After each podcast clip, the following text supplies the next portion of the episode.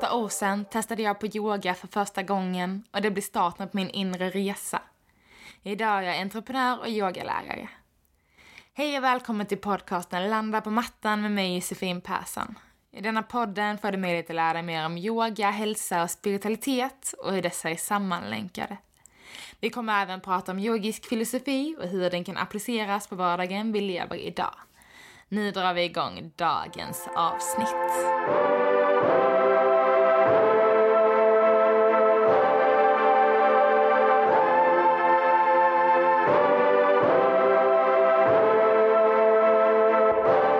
Dagens avsnitt ska vi prata om olika yogastilar.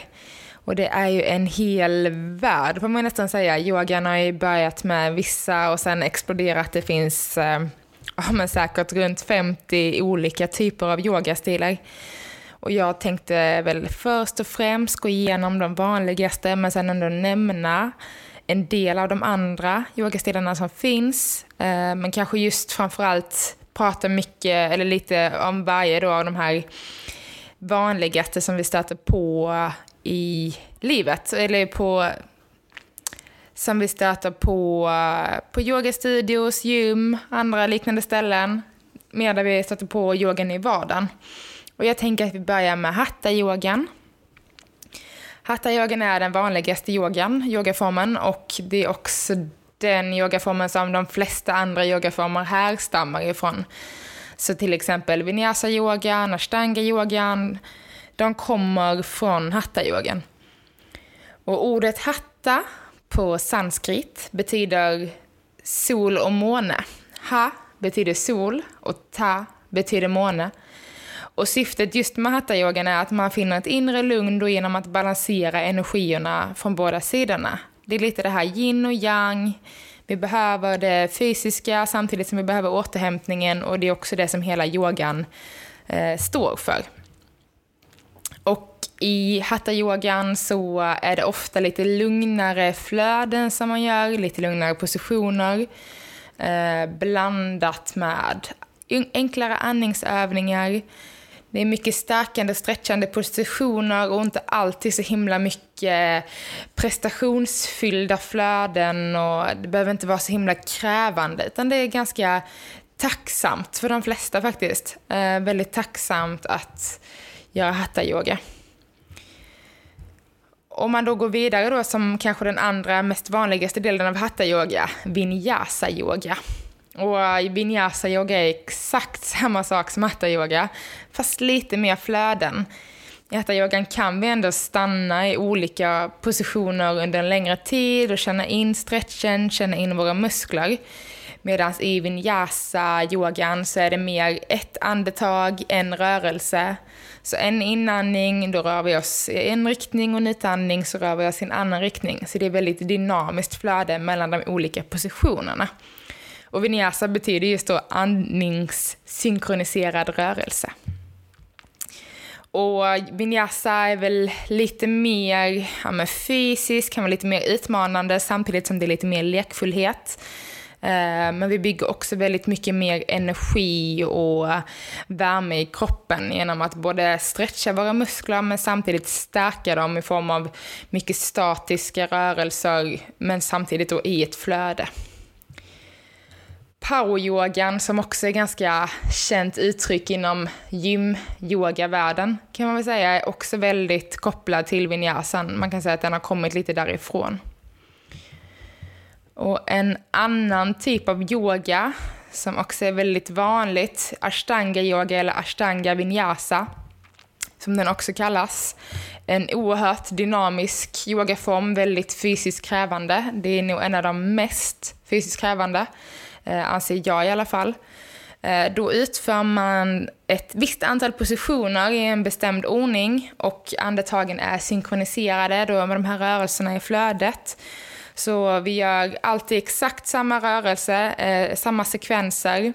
Man börjar med första sekvensen och sen när man bemästrar den, vilket ofta tar flera år, då går man vidare till andra sekvensen Eh, och så vidare och så vidare. Eh, men ofta så är man liksom kvar i, i första sekvensen för det mesta om man inte fortsätter vidare, till exempel att vara yogalärare inom det här Och just det som är viktigt med ashtanga-yogan är att verkligen lyssna på sin kropp. Det är väldigt ofta som vi skadar oss just i ashtanga-yogan. Den är oerhört eh, men den tar fram väldigt mycket prestation i oss och åh, jag ska komma in i den här positionen. Och eftersom vi gör samma flöde och samma Eh, positioner hela tiden så blir det också väldigt eh, tydligt för oss att ah, men jag kom ju så här långt denna gången, förra gången, varför kommer jag inte lika långt denna gången?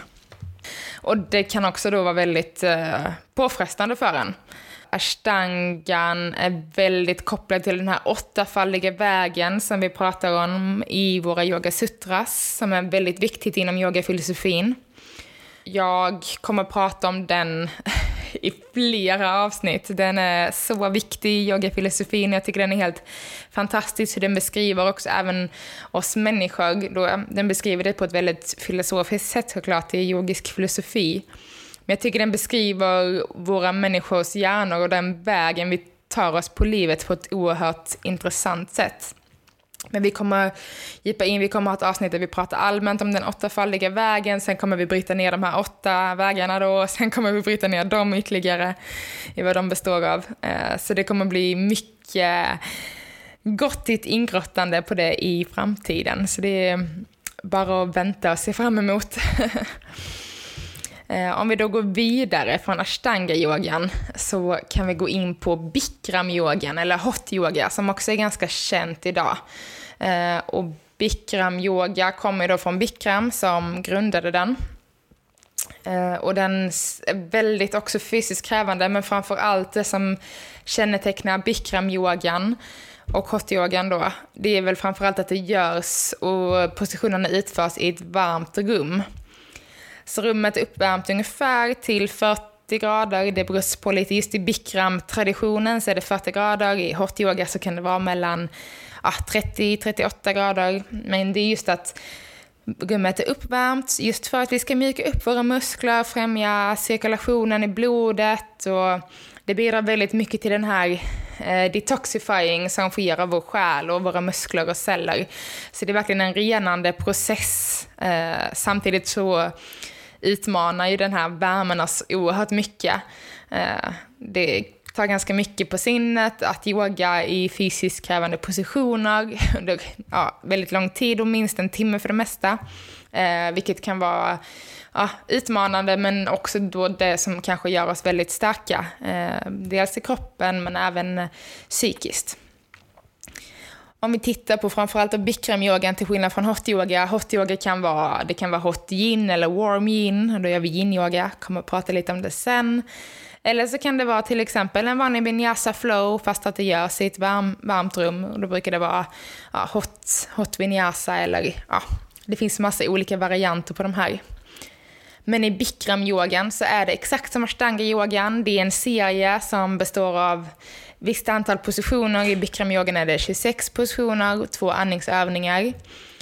Och då gör man de här ut efter ja, sin ordning, så man börjar liksom alltid samma serie som man gör.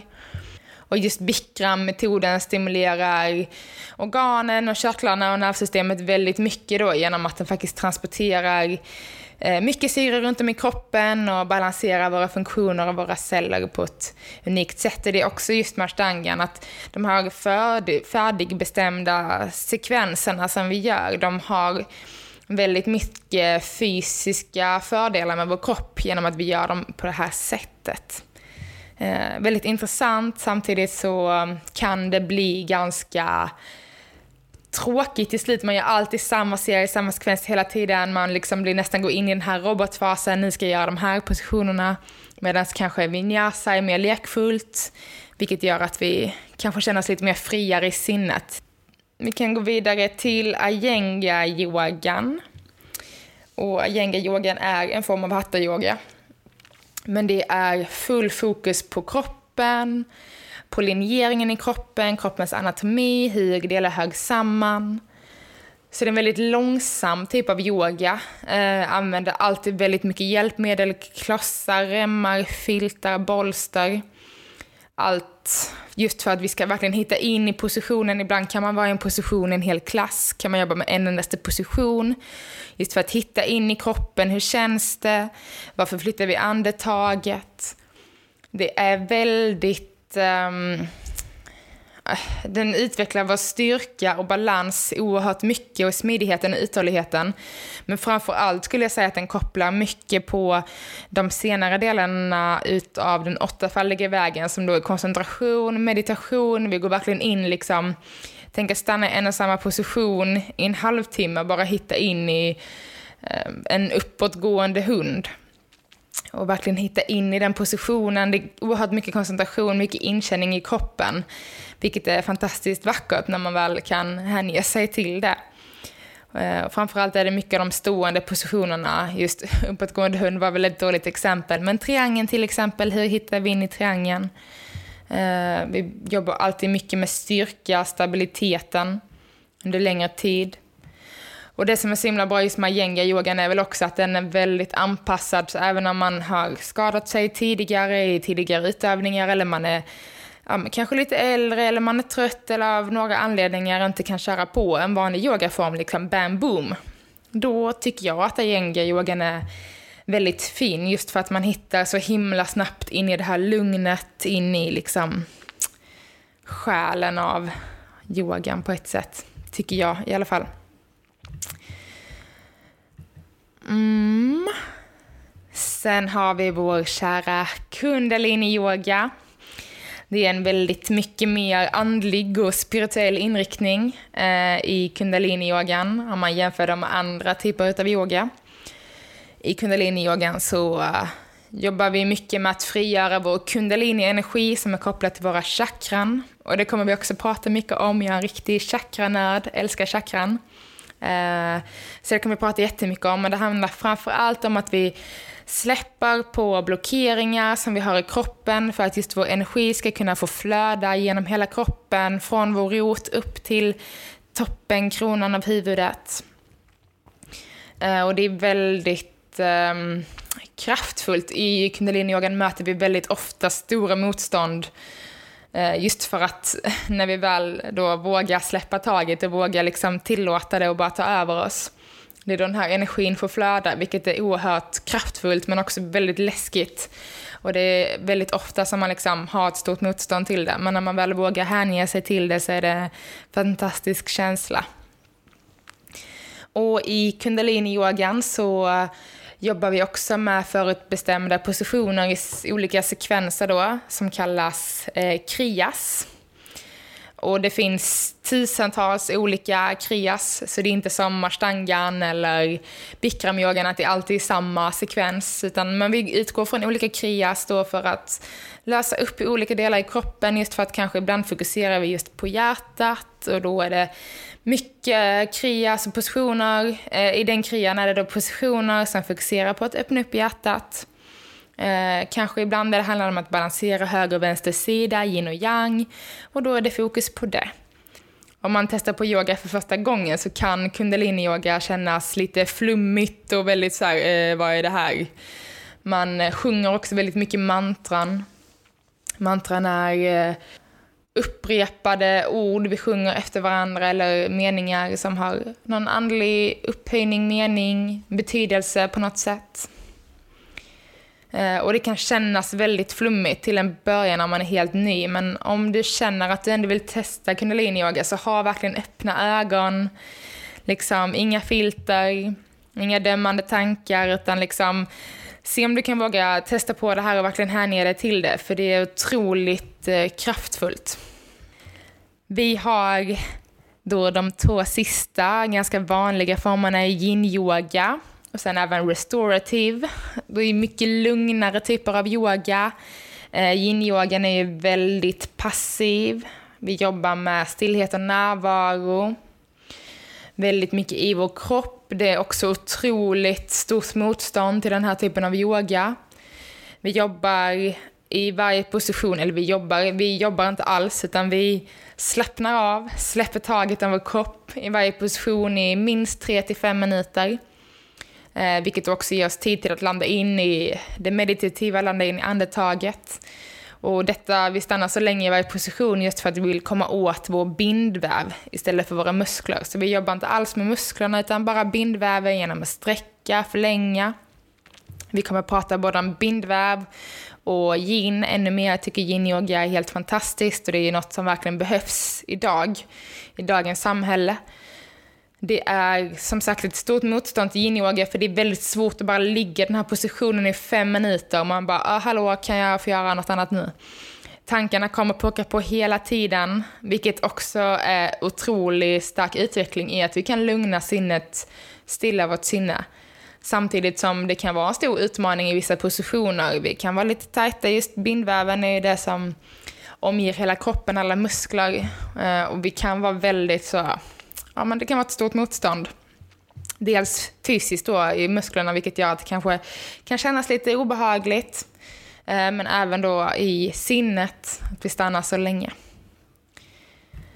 Och om vi då avslutar lite kort med restorativ, som är en ja, terapeutisk form av yoga. Eh, den handlar enbart om att skapa återhämtning för kroppen. Vi ligger nästan i ja, men positionerna i liksom avslappning. Shavasana typ. Barnets position. Vi ligger minst 6-10 minuter, eller 5-10 minuter i varje position. Verkligen för att så, ja, men bara landa in i kroppen. Så det är som en typ av, eh, ja det är en meditation helt enkelt. Eh, men där vi då kan vara i vissa positioner som är oerhört avslappnande för kroppen. Och eh, yoga nidra är också väldigt likt restorative yoga, så det är mycket guidad, guidad meditation då in i de här olika positionerna som gör att vi verkligen kan slappna av ytterligare. Otroligt härligt. Ja, sen finns det ju liksom tusen andra typer av yogaformer. Vi har gravidyoga, anpassad för gravida såklart. Barnyoga som är olika sagor vi berättar.